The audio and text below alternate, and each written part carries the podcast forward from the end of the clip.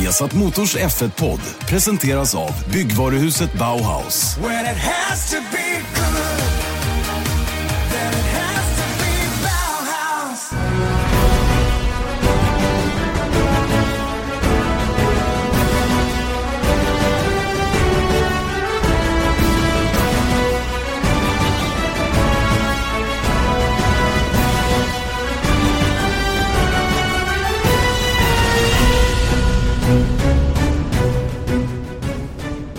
Ja, mycket välkomna ska ni vara till en ny F1-podd på Viasat Motor. Som vanligt hör ni de här F1-poddarna på Acast, på iTunes eller på viasatsport.se. Och eh, vi har ju nu senaste tiden faktiskt producerat en podd i veckan och eh, så även denna vecka. Det är racevecka igen faktiskt. Det är ju Ungerns Grand Prix till helgen och eh, flyget för min del går ner på onsdag. Eh, dagens gäst är ju extra intressant då eftersom eh, han faktiskt ska tävla i Ungern och eh, kul att äntligen kunna få säga välkommen till Marcus Eriksson till F1-podden. Tack så mycket. Eh, det är väl på tiden. Så. Ja, ja, men på något sätt är det väl så.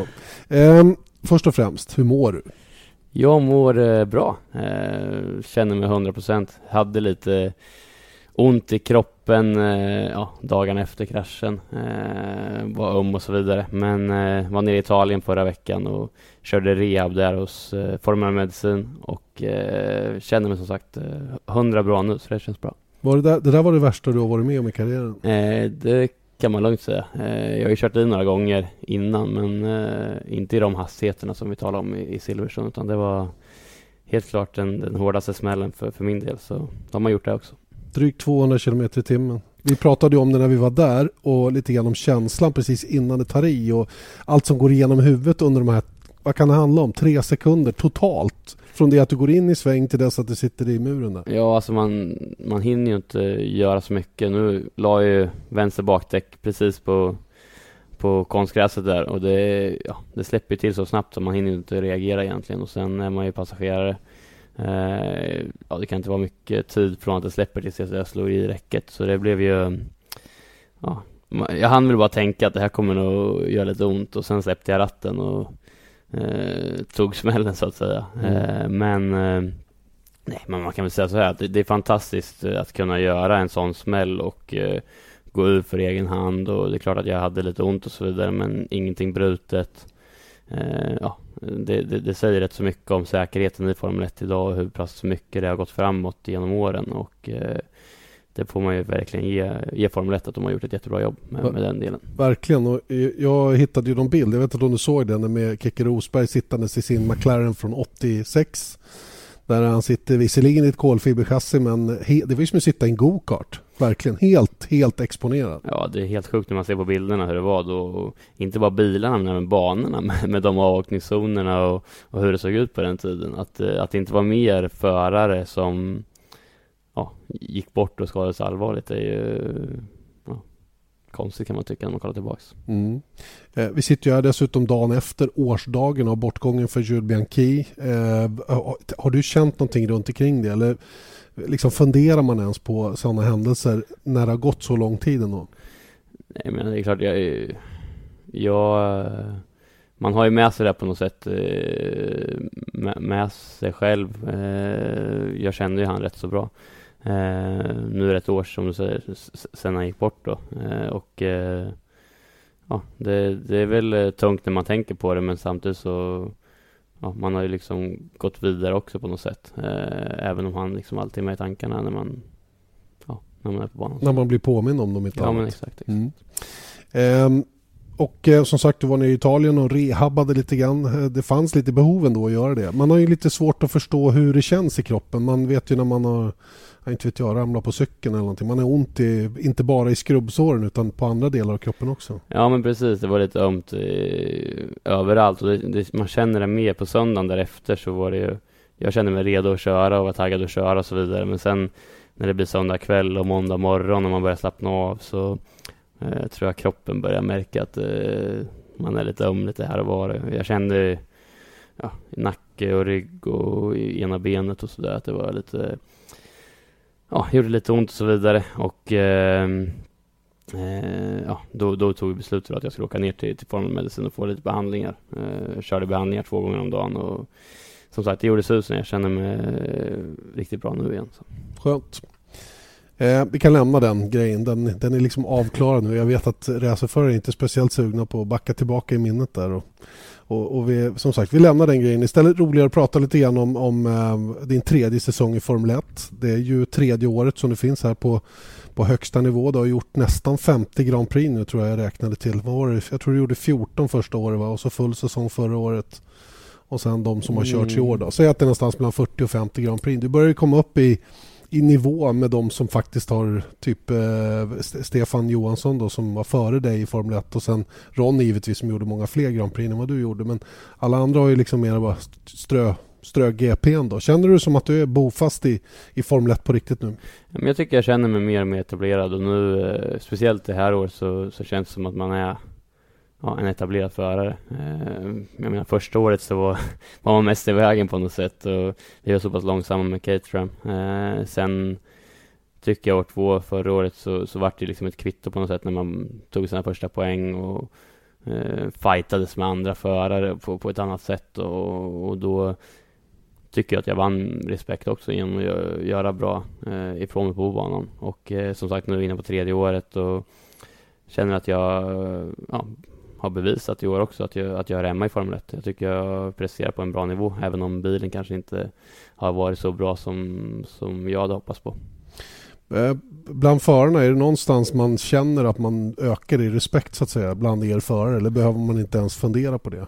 Nej men som sagt, jag tyckte första året med Caterham där så var man väl inte kanske med gänget på det sättet, eh, även om en del är liksom trevliga och, och sådär. Man, man, man var lite kanske utanför. Eh, men sen, ja, nu, nu så är man ju liksom en i gänget och eh, på ett naturligt sätt. Så det, det, ja, det är väl bra det, men, men samtidigt så är man inte där för att bli polare med någon heller utan det, man, man har så fullt upp med sina egna grejer men, eh, men jag känner mig absolut som ja, en respekterad förare på griden. Det, det, är inget snack om den saken. Det är roligt det där för att eh, jag tror att det är mera vi på utsidan som, som är nyfikna på hur andra ser på dig än du själv är så att säga va? Ja men precis. Inte när jag spelade eller idrott, inte fan funderar jag på hur motståndarna tyckte om mig. Nej men det, det är så det är liksom att många frågar mig ja, vilka hänger du med i depån och sådana där grejer. Och, för mig, det är liksom ingenting som jag lägger någon energi eller vikt på utan jag är där och gör mitt jobb och jag har fullt upp med att fokusera på mina grejer och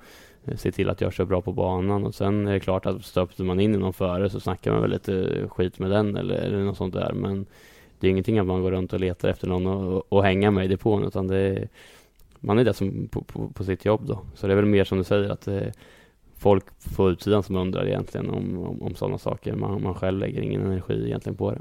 Nej, och det kan ju, vara, det kan ju hänga ihop lite grann med att vi att Sverige dröjde så länge med att få en förare på den här nivån. Då. Så då är man lite nyfiken på om det är så att man, liksom, om folk tittar ner på en eller inte. Varför de nu skulle göra det. Det finns egentligen ingen anledning till det överhuvudtaget. Eh, den här tredje säsongen då som du har gjort så här långt. Då, den, den har ju vi, om inte annat i, i media, åtminstone på Viasat hyllat väldigt mycket då som en, en av din starkare. Och jag själv har sagt att du har, varit, du har formtoppat. Nu har de tre, fyra sista racen kanske inte varit på den nivån. Men tyck, vad tycker du själv om, om 2016 så här långt? Jag tycker det har varit ett, ett bra år för min del. Eh, framförallt eh, är jag nöjd med att jag startade säsongen på en, på en bra nivå direkt. Jag har haft lite problem med det eh, sista åren av någon konstig anledning. Att jag liksom alltid varit bra på hösten och eh, jobbade väldigt hårt över, över vintern och liksom var redo fysiskt, mentalt och med teamet och allting och verkligen börja säsongen lika starkt som jag avslutade eh, fjolårssäsongen. Eh, och, och det tycker jag jag har gjort. Eh, har haft en bra säsong. Eh, som du säger, sista kanske tre racen har väl inte riktigt gått lika bra av olika anledningar. Eh, men jag känner mig ändå liksom som att jag, jag har presterat på en högre nivå i år än vad jag gjort eh, tidigare i Formel 1. Så, så det är jag nöjd med. Och, eh, eh ja, det är väl som alltid i Formel 1, det är mycket fokus på teamkamrater och det tycker jag också att jag har haft liksom ett, ett järngrepp än så länge i, i år. Det här med att eh, det går lite upp och ner och som du har gjort de tre sista. Är, du, jag menar bilen kan ni utan och innan nu. Ni har kört med samma bil hela säsongen i stort sett. Några små motoruppdateringar och, och testen vinge senast här. Men annars är det precis samma bil. Och då blir jag i alla fall lite nyfiken på att när man kommer till Baku då, så, så helt plötsligt så funkar det inte man får ingen temp i däcken. Allting som har varit bra tidigare blir helt plötsligt dåligt och så börjar den andra bilen att prestera. Då, då börjar man ju undra, eller jag undrar i alla fall, om det är banspecifikt eller om det är något annat som inträffar. Nej men där tror jag, Baku framförallt så tror jag banan där var eh, rätt så speciell och framförallt med de temperaturerna som var där nere, det var så extremt varmt så eh, för mig var det lite olika omständigheter tror jag som gjorde att det blev som det blev sen till, till, till racet. Eh, jag missade ju longrunsen där på fredagen fram, framförallt och det var det stora problemet för mig. På de här korta runsen så hade jag inga problem egentligen med, med däcken, hur de betedde sig. Sen eh, blev kvalet eh, ett skitkval egentligen. Eh, var bra på alla träningar, så kom vi till kvalet och så fick trafik och det var gul flagg och sen så var jag och körde för, för mycket i muren där på sista varvet. Så det var ett riktigt dåligt kval för min del. Hade mycket mer fart i grejerna. Men sen så, så var ju racet eh, ja, det, det, var väl egentligen det sämsta race vi haft i år eh, mm. utan konkurrens. Och eh, det tror jag mer var, var, var, en kombination av som sagt, vi missade körningen på fredag på longrunsen så vi hade inte fått någon information om hur däcken betedde sig på en längre stint. Eh, det var extremt varmt där eh, och vi hade inte hunnit liksom ställa in bilen på ett sätt som gjorde att vi, vi klarade av att köra en en sån eh, längre run som vi, vi planerade i racet. Så det var lite kombination och sen Även att min körstil är lite annorlunda mot till exempel Filippe och eh, det passade bättre för Filippe där med, med omständigheterna. Och eftersom inte vi hade kunnat justera det på min bil för att hjälpa min körstil så hade det, ja, det blev liksom som sagt, alla de här omständigheterna gjorde att det blev en, en dålig söndag för mig. Kom lite ur synk eller vad man ska säga då? Ja men precis, så det, mm. ja, det var väl eh, bottennappet för i år än så länge. Eh, så det, ja, det, det, är så det blir ibland. Man kan inte räkna med att det liksom alltid är på topp heller, utan det kommer dagar där det går tuffare och det är saker som går emot och då gäller det att kunna analysera det, förstå det och sen bli starkare och liksom komma tillbaka igen nästa gång. Det, men det är lite det som, som, som jag, blir, jag blir intrigerad av så att säga. Då man ser Baku, Österrike, banor som hade väldigt slät asfalt. Vi, vi känner ju till i alla fall teoretiskt hur din körstil kanske inte gynnas av när, när eh, banan är lite för snäll mot däcken och du behöver jobba hårdare för att få upp tempo i framdäcken framförallt. Då. Nu vet jag att det inte bara är framdäcken som det har varit krångel med men när, när däcken ramlar ur fönstret så här så får man ändå en känsla av att det ligger lite grann i hur man kör bilen, hur man väljer att ställa in den då som, som spelar roll. Jo men så är det verkligen och det, det är sådana ja, det är små marginaler som kan göra en stor skillnad i slutändan och jag och Filipper kör lite olika där. Eh, som gör att man gynnar lite på olika ställen men samtidigt så gäller det att kunna hitta ett sätt som man är stark på alla banor. Eh, och det tycker jag att vi, vi kan göra på ett bra sätt. Men, men det gäller att man liksom under helgen jobbar fram då genom träningarna och försöker få bilen att bli eh, på rätt sätt då för eh, kvalet på lördag men även för racet på söndag. Och det tycker jag att jag Uh, har kommit in i en bra så, liksom, metod. Sätt, ja, men så mm. som jag jobbar nu i, just nu när jag kommer till en racehelg. Liksom, jag tar det steg för steg från första träningen på, på fredagen och går igenom olika saker, ser till att bilen blir på det sättet jag vill ha den och uh, jag hittar en väldigt bra uh, teknik för att få komma fram till det jag vill ha till lördag eftermiddag när det är dags för kval. så att jag går in i kvalet med en bra känsla och eh, vet att det kommer funka bra både i kval och i racet. Eh, och det tror jag är någonting som, det var en, en sak som jag verkligen hittade under för, förra säsongen då, i mitten på säsongen, att det liksom kom till ett sätt och hur jag skulle lägga upp mina racehelger helt enkelt. Eh, och det har jag med mig nu och jag tycker att jag jobbar på ett bra sätt där. Det är lite intressant här med hur ni lägger upp en helg. Vi, vi ska ju som sagt till Ungern nu då. Va, hur ser den ut? När, när kommer du dit till att börja med? Flyger dit på onsdag eftermiddag, så jag tror jag är nere onsdag ja, kväll där. Checkar in på hotellet, käkar lite, bara tar det lugnt. Sen eh, torsdag är det fullt schema. Eh, från morgon till, till ja, kväll egentligen. Eh, eh, oftast så är det trackwalk när vi kommer till banan. Eh, då går vi banan med ingenjörerna och eh, diskutera lite. Man har de här, ett häfte som man får, eller som jag får av ingenjörerna där det står lite saker om banan, om inställningar, eh, noter från föregående år. Jag har mina egna noteringar från när jag kör med referenspunkter och sånt. Då. Så gå banan för att få igång helgen. Sen eh, efter det lite lunch och sen är det media. Eh, brukar vara eh, både tv, skrivande media. Om man inte ska på presskonferens då är det, då är det där och efter lunch. Sen har vi lite möten där vi diskuterar med ingenjörerna igen då hur, eh, hur vi ska lägga upp träning 1 och 2 på, på fredagen. Eh, går igenom vilka potentiella saker vi kan göra mellan eh, våra runs, vilka saker vi skulle vilja prova eh, på bilen inställningsmässigt. Eh, sen är det middag och sen är det hem och sova. Så det är så torsdagen ser ut och sen ja, rullar det på efter det. Just det, fredagen handlar ju väldigt mycket om körning då. Där, där har ni väl någon plan så att säga när du när du sätter dig i bilen på fredagen för att göra... Vi, vi vet ju på ett ungefär hur det ser ut. Nu har det ändrats lite grann med hur man jobbar däcken i och med att ni får välja mer fritt. Eh, men de första 40 minuterna till exempel på ett sätt däck. Vad, vad brukar ni, vad, om, vi säger, om vi generaliserar lite grann, hur brukar de 40 minuterna vara? Det handlar väl mest om att man ska komma in i körningen för, för mig då och sen eh, eh, helst ska vi då börja på en, med en setup som gör att bilen är rätt så välbalanserad egentligen direkt. Så det är väl det som är första målet med de här första 40 minuterna. Att om bilen är alldeles för överstyrd eller understyrd eller något sånt, då ska vi kunna upptäcka det direkt på första 40. Så till set eh, däck nummer två då, så, så ska vi kunna vara i en, i en rätt så bra eh, nivå eh, känslomässigt i bilen då. Eh, för att kunna gå in i FP2 eh, när vi då gör kvalsimuleringar och racesimuleringar, Men ja, vet att vi har bilen på ett bra, på ett bra ställe. Så, så FP1 är helt enkelt för att sortera ut bilen om vi får använda ett, ett dåligt svenskt ord men ett bra engelskt. man, man, ja, men ni försöker ja, men reda vi... ut hur bilen ska vara för resten av helgen. Exakt, exakt. Så för FP1 är liksom den första indikationen på vart vi är eh, inställningsmässigt. Eh, till oftast så har vi någonting vi vill testa i FP1 som vi gör mellan då första och andra sättet eh, däck. Oftast försöker vi köra FP1 med samma gummiblandning båda de runsen. Eh, för att kunna göra då en, ja, en jämförelse. Ändring, en jämförelse. För att se om det är någonting vi vill få reda på på just den banan. För det kan vara banspecifikt också. Eh, men då, då när vi har kört klart FP1 så går vi igenom det. Analyserar både hur det känns för mig och eh, även hur det ser ut på datan. Och sen när vi går in i FP2 så vill vi ju helst kunna göra våra short runs eh, som är två stycken kval simuleringsruns och sen två eh, längre race simuleringsruns eh, utan att behöva ändra bilen för mycket för att kunna få eh, en bra info på både lite eh, soppa och eh, mycket då för att ha med oss det för resten av helgen. Kan du avslöja det? Hur mycket soppa använder ni på en, en kort sån här fullfartskörning då med mjuka däck till exempel? Ja, vi använder lite mindre än på en lång run. Okay. okay. Nej, men det vill inte vara för specifikt, men det, det, finns ju ändå, det är ingen så, det är inte om man jämför med kvalet så har man ju en del marginal, absolut. Mm. och är det, för specifik. jag fattar. Det kan vara många F1-team som lyssnar här på den här just det, just det. Ja, speciellt den här. Ja, ja, alla gånger.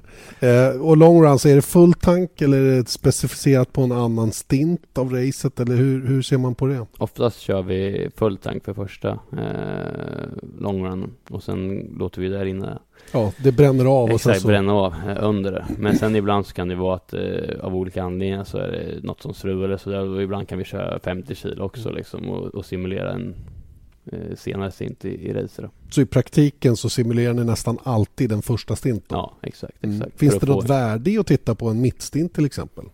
Ja, men det är klart att det kan finnas det, men ofta så vill man ju se i, i tuffaste miljön för, för däck och, och bilen och allting och då brukar vi oftast tanka i den fullt för att se till att vi, ja, det är så här illa, eller man ska säga, det kommer vara i början på racet och se till att vi kan ha en, en bra känsla i bilen då. Mm. Eh, hur stor skillnad är banan på fredag mot söndag? Vad, hur måste man bygga in det så att säga i ekvationen också? Ja, men det är det som är lurigt, att uh, det kan kännas skitbra på fredagen och sen kör man med en bil som är rätt så likt inställd då tills på söndagen och då funkar det inte alls. Uh, och det är det som är ja, lite lurigt. Oftast i ban banorna blir mer och mer grepp, speciellt om det är torrt under en hel, hel helg, så blir det att det kommer ner mer grepp i banan för, för varje dag som går. Så oftast till, till racet på söndagen så är det väldigt mycket grepp i banan. Och eh, på, jag vet inte om det är på grund av däcken eller vad det är, men, men oftast kommer greppet och går i, i, till, till bak, eh, bakdelen av bilen. Då. Det blir mer och mer bak alltså? Exakt, så det blir mer, mer, mer, mer bak, eh, bakgrepp då. Mm. Så ofta så vill vi ha, när vi går in i efter FP3 till exempel så vill jag gärna att bilen är lite överstyrd för då vet jag att i kvalet så, så kommer den vara rätt så bra och det även till, till racer på söndagen. Är min bil för neutral eller till och med understyrd på FP3 då, då är det lite varningssignaler och då vill jag ändra på det för jag vill att efter FP3 ska det vara lite, lite överstyrt, lite på, på gränsen eh, så att det, det, känns bra men det är lite, lite, lite överstyrt för då vet jag som sagt för mig själv att ja, nu kommer det vara bra på kvalet. Hur mycket vet du specifikt vad de behöver göra eller lämnar du det helt i händerna på Craig? Nej, nej men där har vi några grejer som vi, vi brukar jobba med. Eh, krängare oftast, eh, som vi jobbar mest med. Eh, så där diskuterar vi också. Jag måste vara väldigt specifik med min feedback och vilka kurvor det handlar om och så vidare. Eh, men sen så tar vi gemensamma beslut där att eh, vi diskuterar vad är det vi ska göra. Ska vi ändra bara på vingarna eller ska vi göra något med krängaren eller något sånt där. Eh, så det är en, en, diskussion som vi har då efter FP3 och som vi tillsammans tar beslut om. Mm. Hur transparent är det mellan de båda garagen? Nej men där tycker jag vi, vi har ändå en bra eh, dialog. Eh, vi har ju efter varje pass så har vi ett, ett möte som startar en kvart efter varje träningspass. Och på det mötet så går vi igenom båda bilarna, hur det känns, båda förarna får säga hur det känns. Och där så är det ju liksom öppet om man säger som, som det är. Eh, och då om man kan lära något från den andra bilen så gör man det. Men samtidigt som sagt så är jag och Filippe lite, vi vill ha lite olika från bilen. Eh, och eh, det gör att man kan liksom, även om det är något som funkar bra för den andra bilen så kan man inte bara kopiera det rakt av på, på, på min bil och tro att det ska funka utan Eh, oftast så, så, lyssnar vi på vad de säger och, och, ser om det är någonting som vi tror kan, kan gynna oss också då på, på min sida i garaget. Men som sagt, även om han hittar något guldkorn för sig så är det inte säkert att det funkar på min, på min bil, på Nej. mitt sätt att köra. Och det är också sådär, det är ju lite svårt för oss lekmän att förstå det egentligen. Det är ju likadana bilar ni kör i praktiken. Ja men precis, precis. Och det är därför det kan vara så ibland att till exempel det har varit kval och det har gått skitbra för mig och så har det inte funkat alls för Filippo. Och Eh, då tycker man det är likadana bilar och så vidare. Men då kan det vara att han inte har fått den här känslan i bilen då som, som han vill ha för att kunna få ut max av sin körning. Och det handlar mycket om att ha ett förtroende för bilen också när det är framförallt i ett kval och nu ska kunna sätta det här eh, ultimata varvet när däcken är som bäst och då måste du kunna lita på bilen fullt ut och känna att den beter sig på det sättet du vill att den ska bete sig och gör den inte det så är det lätt att man är en rätt så bra bit efter. Eh, och, och, så blir det ibland. Eh, så det är jätte, jätteviktigt de här träningspassen, att man bygger upp det på rätt sätt och inte stressar upp sig ifall det inte går som man vill i F1 och F2 för att det gäller liksom det är kval och race som gäller. Ja men exakt, och det, det är ju en läxa som jag har lärt mig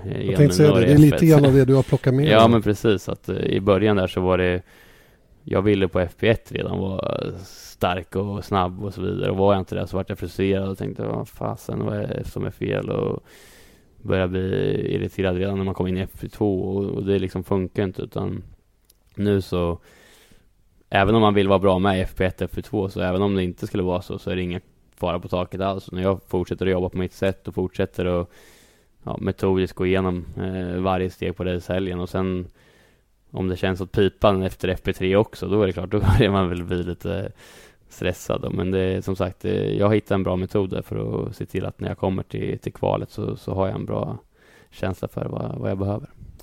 Sen när kvalet är avklarat och man vet på ett ungefär var man ligger någonstans. För er del har det ju kristalliserat ut sig lite grann att ni är i det är, det är Renault, det är Manor och det är Sauber. Sen kan det skifta lite grann inbördes ordningen där och, och där ligger ni just nu. Eh, då har ni kvalat färdigt och så börjar ni titta på hur racet ska se ut och då har ni nya möten givetvis eh, eh hela kvällen på lördagen in, antar jag.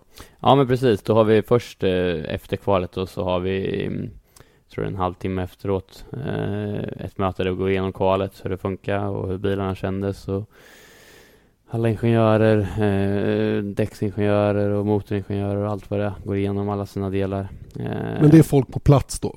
På plats ja, och sen dessutom de som är på fabriken. Hur många är, är det?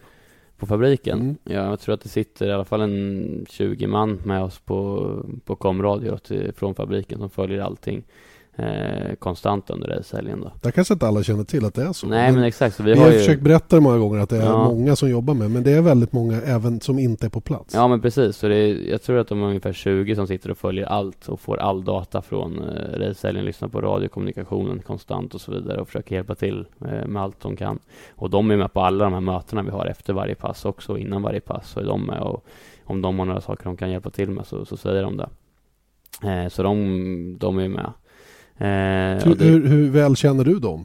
Ja, Litar men, du på dem? Ja, men det, jag känner väl dem rätt så väl. Och det är därför också det är viktigt för mig att åka till fabriken då och då för att kunna snacka med de här människorna och ha en bra relation med dem också. Eh, men sen är det klart, man är inte lika nära dem som man är de som man jobbar med på banan. Det är naturligt. Men det är inte alla förare som är så aktiva med liksom att åka till teamet och sådär, men jag försöker ja, åka dit så ofta jag kan egentligen för att just hålla den där kommunikationen med dem så bra som möjligt. Och alla ni då tillsammans kommer fram till strategiskt hur racet ska se ut? Eller ni försöker att se racet i förväg? Ja men precis, men det, ja, först har vi det här kvalmötet då och sen när kvalmötet är slut så ja, tar man det lite lugnt, eh, går igenom lite data kanske på egen hand och så vidare. Jag börjar kolla lite på racet från föregående år på den här banan för att se lite grejer i start och sådana saker och eh, strategier och sånt där. Eh, oftast har vi media eh, session där också med intervjuer, och tv och vi satt där och jobbiga. Och, och sen eh, efter på kvällen då, på lördagskvällen så har vi ett längre möte där vi går igenom strategin då för, för morgondagen och vilka alternativ. Vi har en strategiingenjör som då sitter eh, efter kvalet på i tre timmar, kanske fyra timmar och går igenom alla olika scenarion och då presenterar han det på mötet då på lördagskvällen. De här strategierna tycker jag är enligt mina beräkningar de bästa. Så får vi oftast kanske två, tre, fyra olika alternativ. Är det en bra kille? Eh, ja.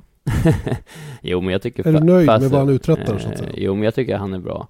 Eh, sen är det inte alltid så lätt eh, strategimässigt för att det är lätt att sitta på lördagskvällen och säga att den här strategin är bäst. Eh, men eh, sen när det är söndag och race så kan det vara helt eh, tvärt emot då. Så det, det, är svårt och det är någonting som också det är väldigt viktigt att ingenjörerna och strategikillarna att de är duktiga på att vara flexibla och ändra det där. Men jag tycker de gör ett bra jobb generellt sett. Sen kan man alltid säga att vissa race kanske funkar bättre, kunde ha funkat bättre och så vidare. men, men generellt sett tycker jag de gör ett bra jobb. men ja, i alla fall, så då får vi de här förslagen och sen ofta så bestämmer vi att den här är vår primära eh, strategi som vi kommer välja. Eh, och sen har vi våra backups då, eh, som vi går in då till söndagen. Eh, och sen eh, på söndag morgon, vad, vad händer då? Ni går upp på morgonen och jag träffar ju dig alltid på förmiddagen. Det har käkats frukost och, och liksom, hur, vad, vad händer? Ja men precis, jag, jag eh, gillar att komma till banan hyfsat tidigt på racedag. Eh, jag vet att en del de är kvar på hotellet länge och åker till banan kanske vid 11. Jag brukar åka ut vid, vid nio snåret och käka frukost på banan. Eh, kolla på GP3, GP2 eh, om de kör. Sitta bara och kunna ja, ta det lite lugnt på banan och jag, jag tycker det är skönt liksom. Eh, sen eh, vid eh, brukar ha, om det är till det som börjar klockan två lokaltid så brukar vi ha vid 11 15 ett till möte då, inför race-möte igen med alla ingenjörer, alla de på fabriken. Uppdatering eller Upp, ny upp Ja, men prata igen om strategi, om det är någon som har kommit på något nytt över natten, om det är någonting med, med bilarna. Eh, går igenom allting igen egentligen för att påminna allting. Eh, det brukar hålla på ungefär en halvtimme. Sen vid kvart i tolv så får jag lite ledigt. Eh, går över till min, eh, mitt förarrum, eh, ser till att allting är i ordning, snackar lite med Alex. Eh, sen 12 så är det lunch, eh, käkar i en kvart. Sen vid ja, kvart 20 över så är det dags att gå till förarparaden. Åker på förarparaden, håller på en halvtimme. Eh, kommer tillbaks till mitt rum. Eh, och då ofta så blir det lite musik i lurarna och ja, ladda lite. Och sen vid 20 över ett så ska jag vara i bilen då för eh, då är det dags för eh, hoppa in och köra de här varven till, eh, till griden då. Rekognoseringsvarv ja. Precis, precis. När depån öppnar då halv två och då har ni 15 minuter på er då att känna er för. Vad mm. gör ni under de här varven? Ni får inte åka hela varvet. Nej men exakt. Oftast om det är en bana där man får göra provstarter i depån så är det det som är prioritet att man kör varven och får göra provstarter i depån för att se till att kopplingen är i sin ordning och så vidare. Eh, annars så är det ju mest att eh, få en första känsla för bilen. Eh, framförallt vingbalansen, för det är där vi kan, kan ändra egentligen. Eh, så se till att man har rätt eh, ja, balans på, på vingarna.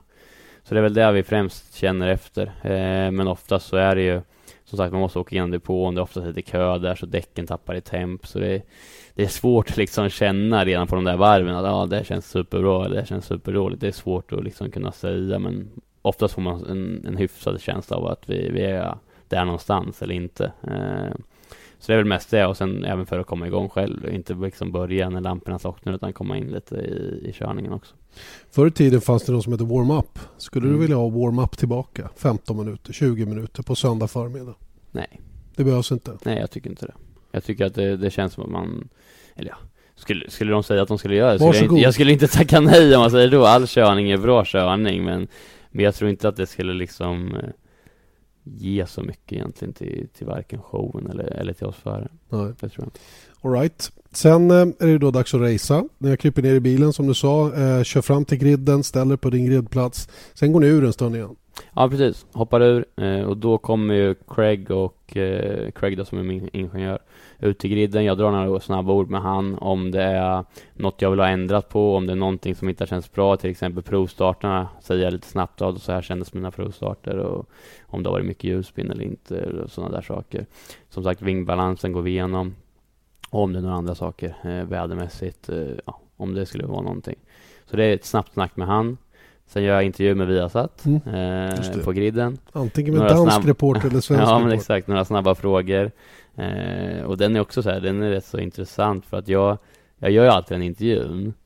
Och det ser ju bra ut på tvn sen eh, när man kollar och sådär och jag svarar på frågorna men jag tänker inte så mycket liksom, Nej. utan jag är så himla inne i, i racet då. på ditt- Exakt, så Mm. jag, jag säger några fraser utan att riktigt tänka på vad jag säger egentligen. Eh, men i alla fall, eh, gör det. Sen springer jag på toa. Eh, pissar, sista pissen innan, innan körning. Och sen upp till, till start, startplattan då där det är nationalsång. Oftast brukar det vara 47 eller 46. 46, Eh, enligt körschemat. Ja, 46. just det. Så lyssna på den och sen då direkt eh, tillbaks till bilen när den är slut. Eh, börja sätta på sig grejerna och sen hoppa in i bilen. Mm. Vad lyssnar du på för musik? Eh, jag lyssnar, innan kval och race så lyssnar jag oftast på något hårdare musik. Eh, vad brukar jag gå? System of a Down, Volbeat, Rise Against. Har du någon spellista som du kan dela med dig av på Ja Spotify? men det har jag faktiskt. Jag har Mm. en spellista som jag, jag Som brukar lyssna på. Eh, jag ska kolla det. Mm, det ska jag kolla upp. Vi återkommer. Ja, vi Ni återkommer får med följa det. oss under helgen i Ungern så ska vi Exakt. leverera Ja men det ska vi lösa. Jag har en bra sån här pepp-spellista. Ja, det är det är inte jättemånga låtar men de är, de är hårda och bra. Så det är, Jag tror det är Det är många som skulle uppskatta Ja, men exakt. Det Kanske kan inte man- jag. Nej men det skulle kunna vara en rolig grej. Då kan de sitta hemma och eh, Exakt. liksom Peppa lyssna, samtidigt. peppa igång samtidigt med samma musik. Det är perfekt ju. All right. Okej, sen kör ni race och det, det ser vi ju själva och hela den grejen. Vad händer efter? Ni kliver ur bilarna. Eh, efter, Kommer tillbaka i parkförmedlingen. Ja, efter det så är det direkt in i, i mediazonen där och då är det intervjuer med, med TV då. Eh, Dit måste ni gå. vi måste gå dit efter racet, ja. Exakt. Oavsett om vi bryter eller inte, eller ja, dit måste vi. Och sen när vi har gjort intervjun så är det tillbaks eh, till rummet igen, slappna av lite. Om det eh, ja, om det har gått bra så går vi till ingenjörerna och mekanikerna direkt och, och skålar lite med dem. Om det inte gått bra då går man in på rummet och tjurar lite först. Okej.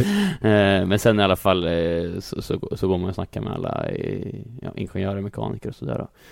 Tacka för racet. Eh, Ingen eh, after race debrief så. Jo, eh, det kommer också men det är en oftast 45 minuter efter racet eller något sånt där så man Mm. hinner slappna av lite och byta om och så vidare. Samla tankarna och sen då så är det debrief då med, med igen alla ingenjörer här och på banan och hemma och så vidare och går igenom allting och det brukar jag oftast kunna dra ut lite på tiden. Så, så det är ja, vi sitter väldigt mycket i de här mötena och det märker man ju inte när man kollar på TV och liksom ser oss köra men men det är ju liksom, körningen är bara en, en del av racehelgen. Eh, resten av tiden så är det ju väldigt, väldigt mycket jobb i ingenjörsrummen där man går igenom oändligt mycket data, eh, diskuterar väldigt mycket eh, om, om allt eh, med ingenjörerna och A lot can happen in three years, like a chatbot may be your new best friend. But what won't change? Needing health insurance. United Healthcare Tri Term Medical Plans, underwritten by Golden Rule Insurance Company, offer flexible, budget friendly coverage that lasts nearly three years in some states. Learn more at uh1.com. all mediagrejer vi har och så vidare. Så det, så det är ju väldigt, väldigt fullspäckat schema för oss hela helgerna. Känner du att det är någonting du behöver bli bättre på när det gäller just det här utanför bilen? Finns det något område, ah 17 där känner jag att jag kommer till korta i våra samtal eller någonting sådär som du har känt? Ja, ja. Det är svårt att vara specifik men det är klart man, man kan alltid bli bättre och det, går- det går ju inte att känna sig nöjd eller känna sig fullärd. Det, det funkar ju inte utan man måste alltid försöka bli bättre. Men jag tycker ändå jag har en bra förståelse för, eh, för, för det liksom tekniska med bilen och så vidare och kan ha bra diskussioner där med ingenjörer. Sen eh, är jag verkligen ingen expert på det, eh, om man säger så. Men jag tycker jag, jag kan det jag behöver kunna för att kunna vara så precis, precis och, och, bra i min feedback som, som jag kan vara. Mm. Alright, det är om hur en racehelg ser ut. Det är lite intressant faktiskt att mm. höra. Ni gör ju en arbetsvecka på fyra dagar. Lite ja, grann men... som vi också på våran sida. För det är väldigt långa dagar när man jobbar och ja, folk tror att man går och latar sig bara. Ja men exakt, det är ju det. Vi, vi, från torsdag morgon till söndag sen eftermiddag så har ju vi fullt schema egentligen eh, hela tiden. Och det blir ju, jag oftast kommer hem på efterdagarna, kommer jag hem vid kanske 9-10. Jag äter ju middag på banan också mm. efter de här mötena. Käkar middag på banan och sen ja, hemma på hotellet vid 9-10 och då lägger man sig i soff eller i hotellsängen och bara tar det lite lugnt eh, en halvtimme och sen är det bara dags att sova. Och sen upp igen tidigt på morgonen. Mm. Så det är ju det är långa dagar och eh, mycket, mycket mer än bara körningen. Har det blivit mer seriöst sen du kom till Sauber än det var första året i Caterham? Eller är det ungefär samma nivå? Nej, jag skulle säga att det är ungefär samma nivå. De jobbar väl kanske på lite annorlunda sätt, men, men det var ju det som var grejen med Caterham också. Det var inte så att det var dåligt team eller dåliga människor eller något sånt där, utan jag tycker det fanns mycket bra folk där, men eh, på något sätt så funkar inte bilen, var inte på den nivån den skulle vara och eh, ja, det var lite orutinerat på sina håll och så vidare. Mm. Eh, från de åren du gjorde GP2 då, som också är en väldigt tuff serie och, och, som tar mycket tid. Så hur mycket procentuellt är det mer i Formel 1? Är det 50 procent, 100 procent mer eller? Går det, går det att säga ja, det? Är svårt att säga, men jag tror att uh, man, man, kan liksom inte förklara det. Det är en sån annan värld när man kommer från GP2 upp till Formel 1 och allt runt omkring blir så otroligt mycket större och det, uh, ja, det blir väldigt annorlunda. Så, så den omställningen tror jag var rätt så, den är rätt så tuff för alla tror jag. Uh, själva körningen är inte så jätte, jättestor skillnad. Det är klart att det är hög konkurrens och så vidare, men men man kör egentligen på ett liknande sätt. Men det är allt annat runt omkring och, och, allt jobb du måste göra förutom körningen som är den stora, stora omställningen som jag tror inte man riktigt kan, kan förbereda sig på. Är GP2 fortfarande den här fina skolan för Formel 1 tycker du? När ändå reglementet i Formel 1 har ändrats ganska mycket jämfört med GP2 eller håller du på att tappa den jag menar, årets mm. mästerskap är väldigt fram och tillbaka. Vi har inte riktigt sett någon som har dominerat ännu. Nej, det är lite speciellt i år. Eh, det brukar ju vara någon som är väldigt stark och så vidare, men i år känns det som att det, alla har varsin helg på något sätt. Eh, anledningen det har jag ingen aning till, men, eh, men jag tycker ändå GP2, jag menar bilarna är så pass bra och så pass snabba och så pass nära Formel 1 på något sätt så att det är liksom det stället du ska vara på om du ska in i Formel 1 tycker jag. Eh, jag tycker att med, också med däcken där, det är Pirelli-däck så du får den karaktären från dem som vi har i Formel 1 också. Så jag tycker än att det är liksom stället att vara på, absolut. Mm.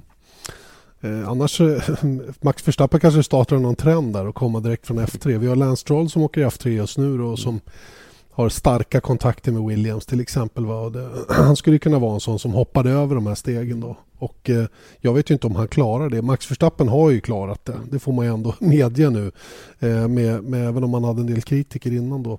Eh, hur tycker du att nivån på förare rent generellt i Formel 1 är just nu? Från, från topp till botten så att säga. Jag tycker den är superbra. Jag tycker att det är riktigt bra förare med. Och, eh, eller jag, jag tycker de bästa förarna är med. Jag tycker det är riktigt bra nivå. Eh, Sen finns det alltid duktiga förare som inte är med också för att det är 22 platser i världen och det finns oändligt mycket jäkligt, jäkligt bra förare. Eh, så man kan alltid diskutera om ska han vara med eller ska han inte vara med. Men jag tycker att nivån i Formel 1 är otroligt hög och hela griden eh, mm. från, från topp till botten.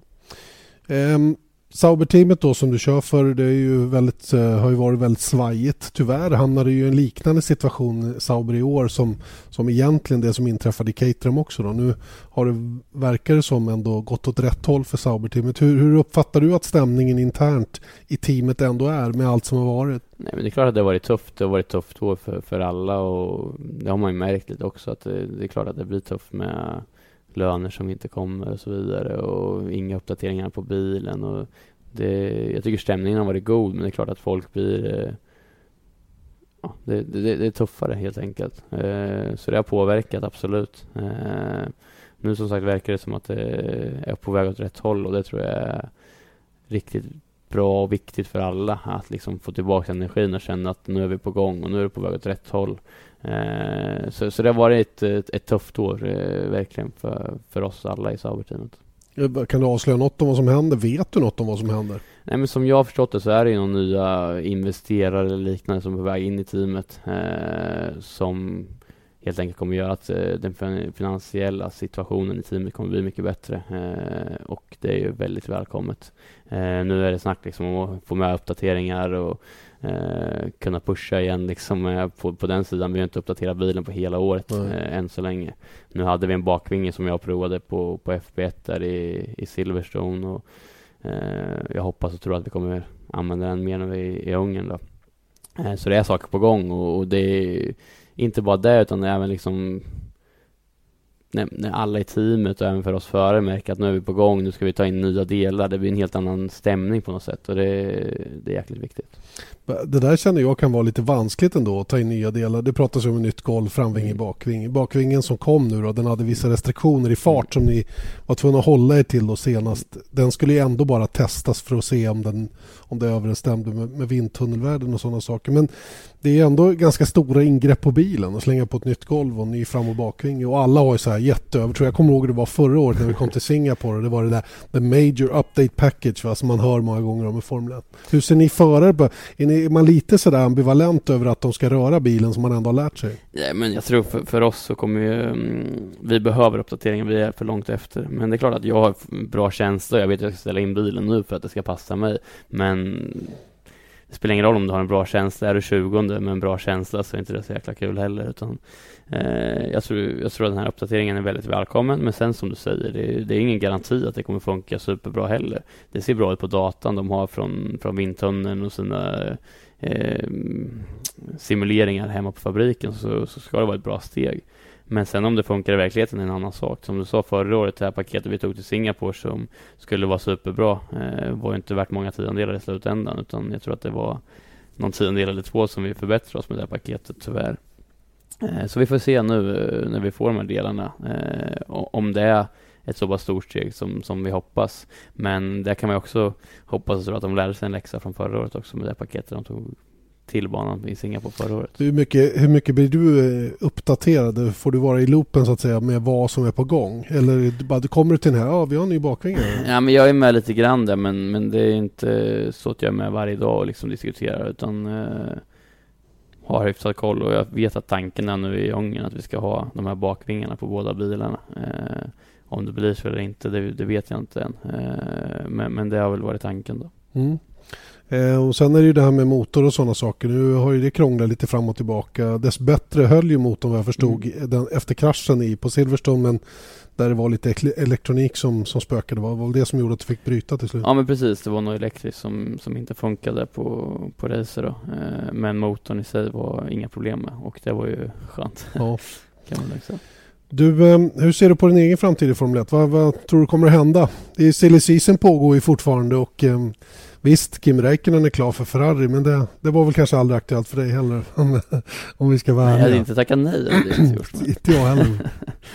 nej, men jag, jag, vet inte egentligen eh, så mycket än. Eh, som sagt, det, det, känns som att jag har en väldigt bra relation i Sauber och det funkar bra där.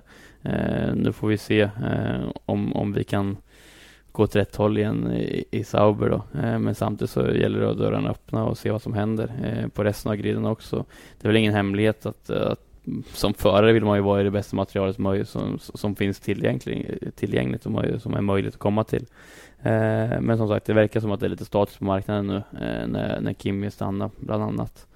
Eh, men som sagt, de här delarna är inte jag jätteinblandad i utan det är ju Eje och, och det är gänget då som, som har hand om det. Eh, så vi får väl se vad som händer. Det brukar ju vara nu runt eh, efter sommaruppehållet som det börjar sätta sig. Eh, så vi får se vad som händer. Men jag känner ändå att jag har goda chanser att få stanna i Formel 1 i alla fall. Det, det måste jag säga. Mm. Vad, vad är... Okej, okay. om vi bortser från de tre främsta teamen då som mer eller mindre har, de är ju klara. Mercedes är mm. klara, för Rosberg kommer sannolikt förlänga. Ferrari är klara. Red Bull blir väl klara också, där är helt, helt eh, klubbat så att säga då, att Ricciardo också stannar så, så återstår ju då ett antal team. Eh, Williams till exempel, Renault, fabriksteamet Renault.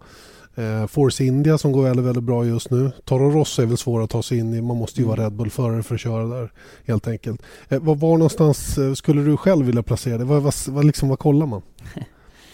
Ja, det är en svår fråga men det är klart att eh, Eh, Eh, det är ju liksom, nu är jag ett team som är i bottenskicket kan man säga, men jag tycker Sauber har potential att vara ett mittenteam och det har de visat för några år sedan. Eh, men det är klart att jag, ett rimligt steg för mig skulle vara att kunna komma, komma upp till ett mittenteam eh, så man kan vara kontinuerligt i, i poäng och, och, ta poäng varje helg och så vidare och kunna ta en, liksom kunna kanske kunna ta faktiskt som en pallplats eller sådana saker. Men som sagt, det, är, ja, man har det material man har. Eh, men som sagt, jag vill alltid sitta i så bra material som möjligt. Eh, jag fattar det är svårt vill, att säga. Jag, jag ja, men, du vill inte, nej, men jag fattar att man inte vill säga något speciellt team. För mm. att, eh, jag menar, du kör ju ändå för Sauber, det får vi nöja oss med. Ett mitten, vi fattar. Okej, okay. bästa tänkbara. Ett mittenteam hade varit perfekt. Om det mittenteamet är Sauber eller inte, det får vi se. Men mm. det hade varit kul att ha en bil kan man väl säga, som man kan vara topp 10 på en regelbundet, regelbundet från helg till helg liksom. Eh, det är väl det man kan säga. Eh, sen vart det är, det får vi se. Det skulle ju vara kul att, att, att kanske köra i team som har möjlighet att hamna på pallen. Typ Force India. Två ja, pallplatser i år. Men, men generellt ligger 8 till 12. Ja men det är ett perfekt steg eh, mm. tycker jag också. Att kunna vara på den nivån. Mm. Så ja, vi får hur, se. Hur, hur um, liksom, är man frustrerad över det där? Inte veta eller? Du har ju, du har ju vant dig på något sätt. Nej men det, det, man, man är van med det. Alltså det, det är så verkligheten är. Och uh, man får fokusera på det som är liksom precis framför en och så får man se sen, sen vad som händer. Uh, men för mig så är mitt jobb är ju liksom att prestera på banan och jag tycker som sagt att jag har gjort det på en bra nivå i år. Det gäller att fortsätta med det och fortsätta göra bra resultat och, och bra prestationer på banan och gör jag det så är jag säker på att att det kan, det kan bli bra för nästa år också då. Eh, men jag vill inte liksom sväva iväg för mycket och tänka på det just nu utan det är halva säsongen kvar i år och det gäller för mig att fokusera på den och jag inte gör bra ifrån mig andra halvan av min säsong så kommer det inte bli någonting ändå så det gäller att fokusera och step se till att step. göra bra. Step by exakt, step, exakt. race by race. Det ja, gamla vi... tråkiga svaren. Nej, men du, jag satt ju med Nico Rosberg och han sa ju exakt samma sak ja. när vi pratade om VM-titeln. Ni har ju samma, det är ju samma fråga. Ja. Fast olika nivåer så att säga. Va? Ja men precis, precis. Det gäller, och det är det som är så viktigt också. Börjar du tänka som förare, tänka på nästa år eller sådana saker. Så jag tror att det, jag vet inte, det, det är svårt på något sätt. Jag, jag gillar att fokusera på nuet, fokusera på det som händer just nu. Det är nog klokt. Du, eh, vi bad ju eh, några av Viasat eh, Motors tittare och de som följer vår Facebook att komma med frågor till dig. Det är okej okay, va? Mycket bra. Vi kan ju se, vi kan ju se Om lite grann... Om de har bra frågor? Ja, men det är, ja, jag tycker det är hög, det allvarligt talat, det är hög kvalitet på frågorna, bättre än mina.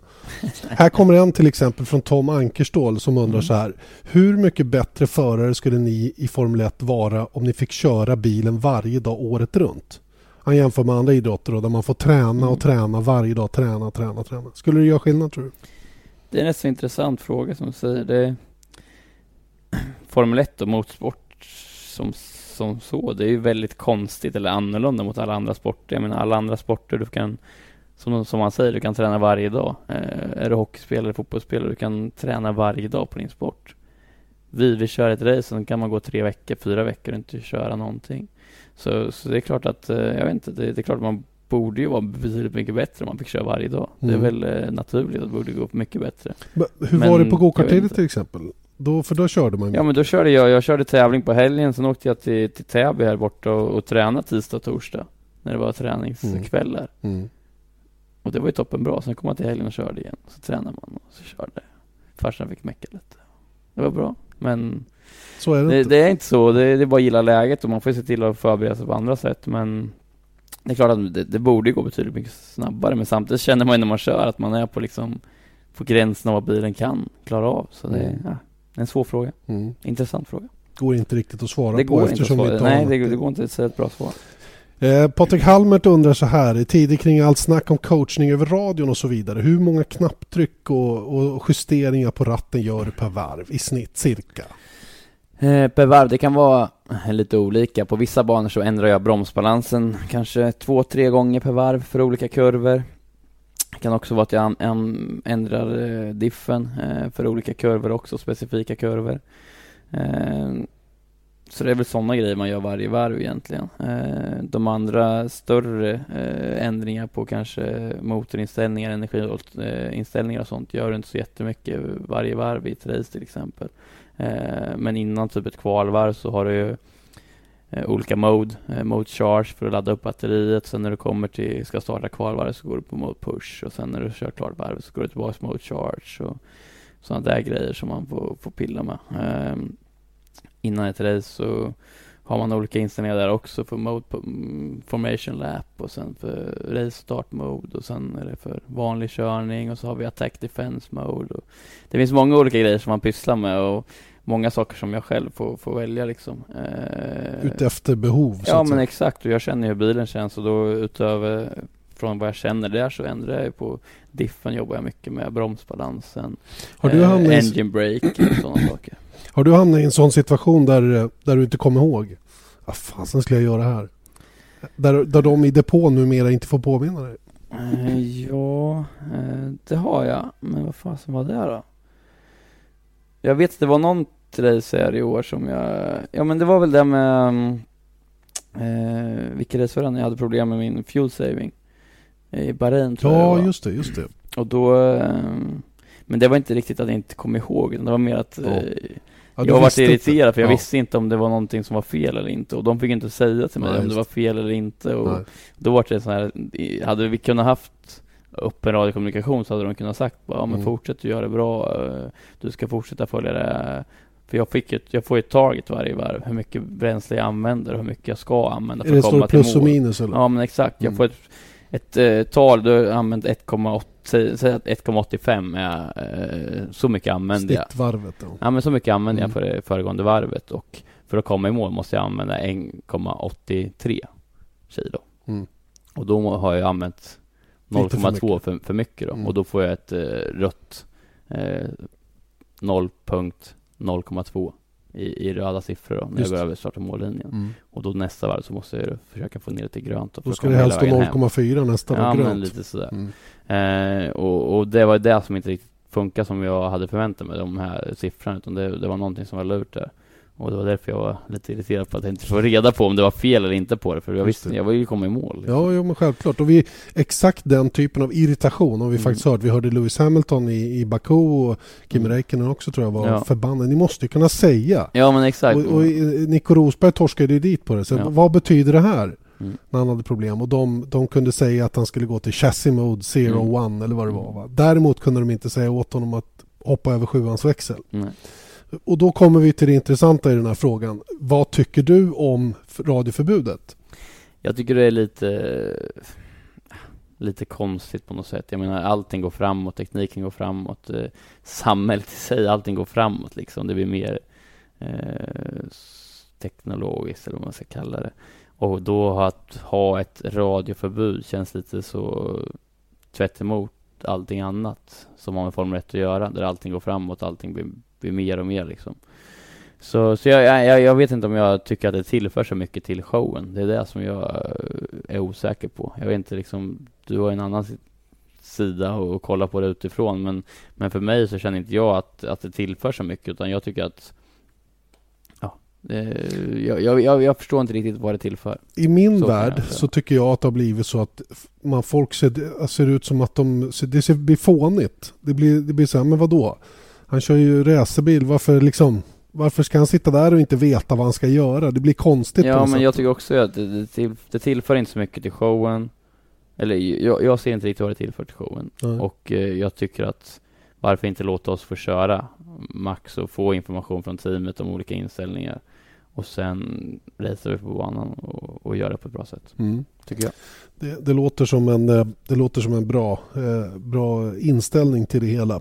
Eh, Urban Dorbell här frågar eh, vad du tycker att det ska vara för underlag direkt utanför banan. Det är en lite spännande fråga med tanke på... Inget konstgräs.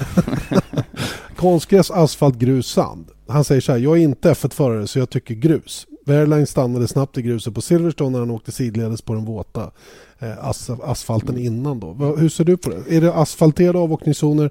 Nu vet inte jag riktigt om han menar precis den här metern utanför mm. banmarkeringen. Vi kan börja där då. Vad ska det vara utanför?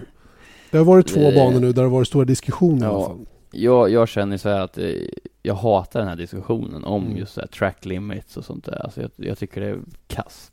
Jag tycker det är kast i Österrike där vi diskuterar, ja, han bara utanför med fyra hjul eller inte och sätter upp några jättecurbs för att man inte ska gena och tjäna på det och likadant i Silverstone så var det diskussioner om track limits så du fick inte gå fyra hjul utanför och då var det I vissa kurvor dessutom? Ja, i vissa kurvor och vissa mm. kurvor fick du det. Mm.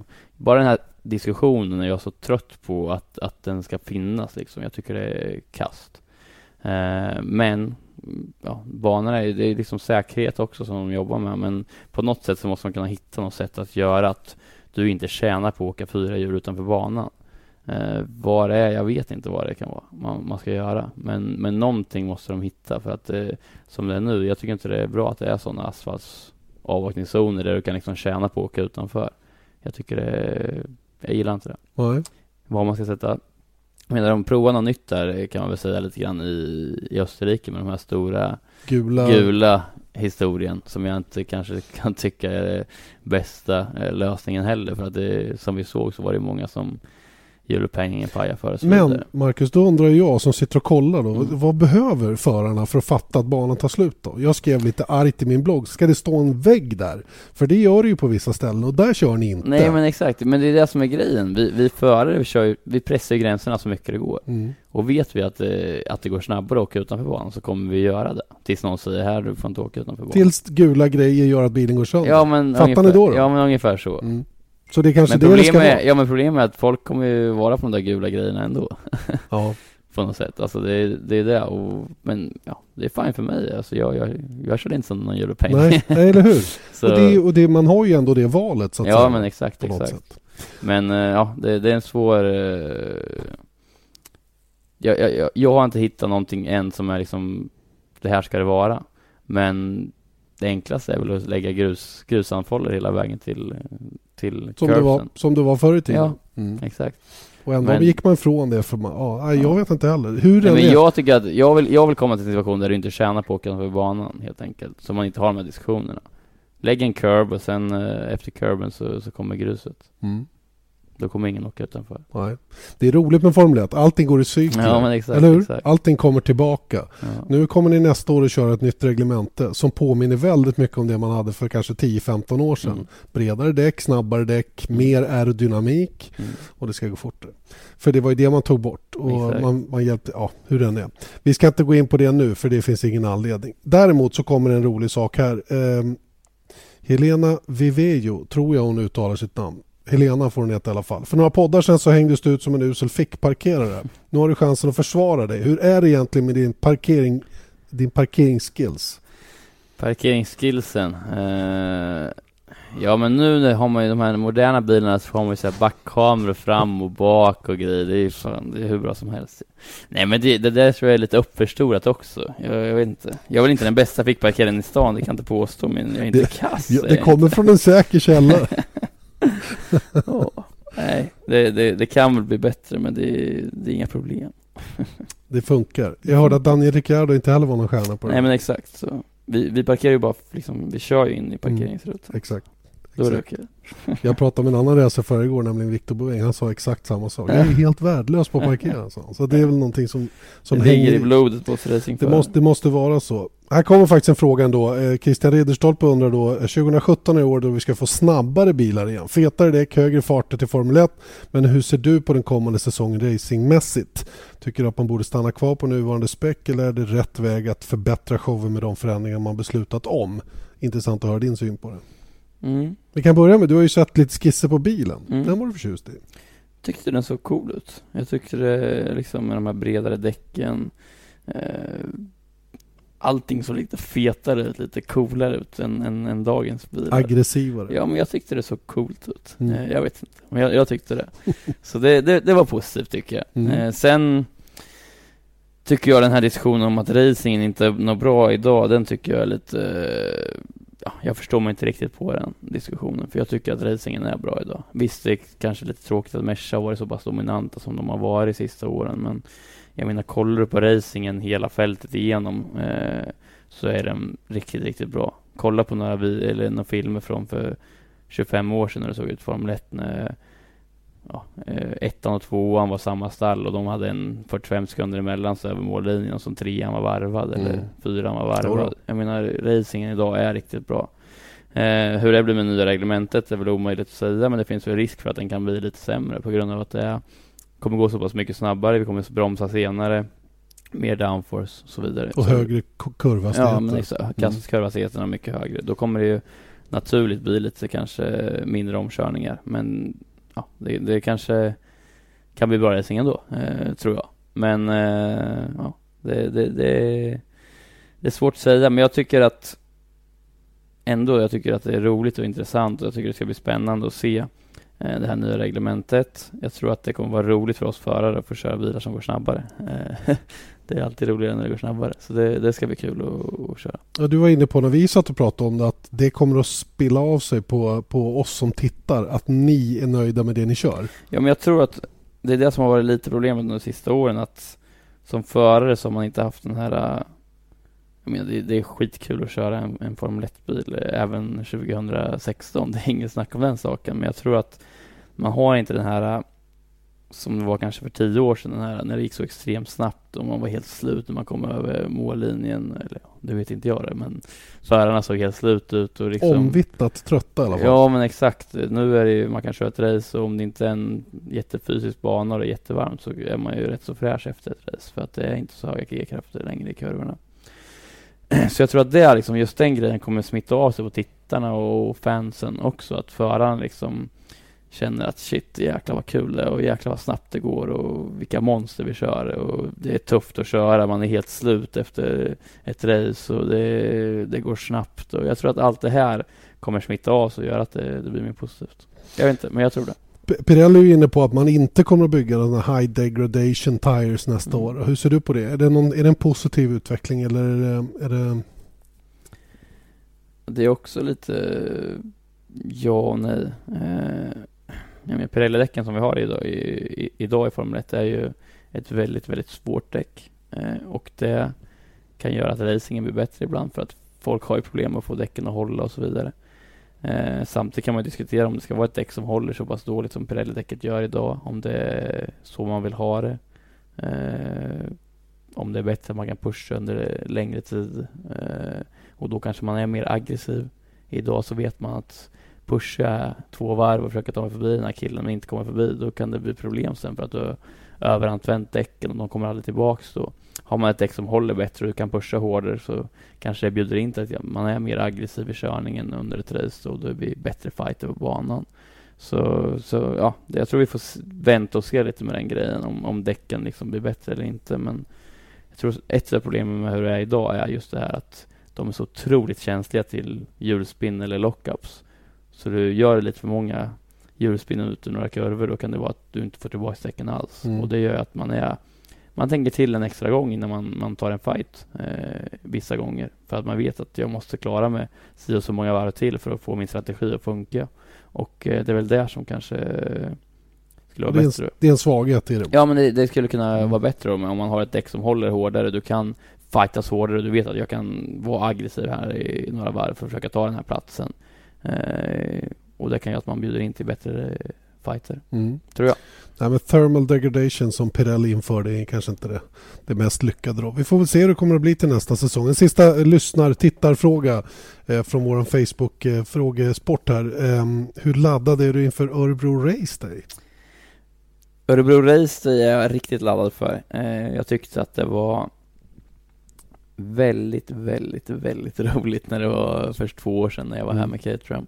Eh, det var liksom så här gåshud hela dagen och få köra på hemmaplan inför så mycket folk som det var då. Det var, nej, det var någonting helt otroligt. Och få göra det igen nu ska bli superkul. Eh, ja, jag har bara, som sagt, bara bra minnen och det är en dag som jag aldrig glömmer den vi hade för två år sedan. Så försöka toppa den blir tufft men eh, det är nog inte omöjligt. Det kommer med en Sauberbil mm. och den kommer att vara blågul mm. och lite vit. Mm. Eh, vilken modell är det? Vet du? Jag tror det är 2012, 2012. kan det vara det? Mm. Den, den En bästa på väldigt V8 länge. Ja, just det, just det. Så det kommer ju låta bra. En av de bättre Sauberbilarna rent konkurrensmässigt Exakt. också. Så att det kommer bli toppen att se. Ehm, och det kommer ju vara massor av annat här som händer också i Ja, stan. men det, det är är ju ett eh, gigantiskt event. Det är det som är lite kul också, att det inte bara är um, Sist de gjorde det så var det ju mycket fokus på att jag var där. Det var några andra som körde lite grann också. Men, men nu är det ett sånt stort event. Det är ett två dagars event och det är så mycket andra förare och bilar som kommer vara här som är sevärda att se. Och jag tror det kommer vara en sån fest i hela stan hela, hela den helgen. Så det, det kommer vara en otrolig stämning. Så jag tycker att det vore kul. Så mycket folk som möjligt kommer. Jag tror att det är någonting man, man inte skulle vilja missa. Nej, tror inte jag heller. Jag hoppas att vädergudarna är med också. Det är i början på september va? Ja, men 9 och precis. 10. Precis, stämmer Mm, bra. 9 och 10 september Örebro Race. Jag tror det finns biljetter kvar att köpa också. Det finns det nog. Ja. Det Bra, då har vi gjort reklam för det också. Ja men exakt. Det var väl toppen. Det var Du, snällt. eh, jättekul att få prata med dig och få skälla en timme av din tid där med, eh, med att vara med i podden. Lite avslappnat samtal. Vi pratar ju väldigt mycket med varandra under varje helg så att säga i stort sett. Då. Men det här är ju lite en annan form. N- när vi, eh, ja, det blir ju ett annat sätt när vi träffs på banan. Då är det två minuter åt gången så att säga. Ja men precis, det är skönt att kunna sitta så här och, och, och köta lite och låta de som lyssnar få, få lite inblick i allting också. Mm. Eh, att det inte, ja, eh, hur racehelg ser ut och så vidare. Toppen bra. Vi tackar så mycket för den här veckan. Podden som är tillbaka om en vecka igen. Jag gissar att Erik Stenborg faktiskt är tillbaka då. Jag drar ju för 17 till OS också snart. Men jag hinner med Tyskland också innan dess. Sen, eh, jag fick faktiskt en fråga om det. Om det, om det påverkar OS, påverkar Formel 1. Men det gör det inte. Nej, det är ju eh, fantastiskt. Mange, vår fotograf, han åker direkt från, från, eh, från Hockenheim till Frankfurt och sen Frankfurt, Lissabon, Lissabon, Rio de Janeiro. Så att det är precis kant i kant och när vi kommer hem från Rio så börjar, börjar Formel 1-säsongen igen. Så det där har de tänkt på. Så det påverkar alltså inte ifall det är någon som undrar. Hur som helst, vi är tillbaka med podden om en vecka igen. Tack så länge. Tack Marcus, jättekul att få Ja, tack själv. Eh, och så vill jag passa på innan, innan vi lägger på här att, eh, att tacka alla eh, mina fans och alla som följer mig, som lyssnar på den här podden och sådär. Uppskattar mycket den support jag får. Mm. Många svenska flaggor nere i Budapest. Ja men det är kul eh, här på Euro- Europasäsongen att se hur mycket svenska flaggor det är. Eh, Budapest brukar vara ett av de eh, bästa racen fansmässigt men även på, på andra banor här, Barcelona, Österrike, eh, Tyskland. Mm. Eh, mycket svenskar som är ute och peppar och eh, vinkar med flaggor och så vidare. Och det, det betyder mycket för mig. Eh, jättemycket, så det är kul. Du, det är en lite rolig grej faktiskt. Innan vi lägger nu kommer jag på en ny grej. Ja. Men, men eh, alltid under sändningarna så börjar de hos er. Kameran börjar alltid nere i- hos Sauber. Det är alltid väldigt stort fokus på Sauber. Det kommer ofta upp bilder på dina fans som har sina svenska flaggor uppe. Sådär. Jag vet inte, har du tänkt på det? Att de ofta är inne hos er? För det är verkligen inte hos alla. Nej, nej men det är väl att eh, vi är väl eh, snyggast nere hos Sauber helt enkelt. det är väl, Blått och gult. ja men kan jag det vet bli inte. bättre? Det, det, är väl, så- det är väl enda slutsatsen man kan dra. Eller hur? Nej men det, det är kul, som sagt. Fortsätt med det här, fortsätt att vinka med flaggor, fortsätt att komma fram och hälsa på mig om, om ni ser mig och prata lite på banorna. Eh, uppskattas. Det är toppen. Så kör vi hårt. Vi gör det. Ha det bra Marcus. Tack, tack.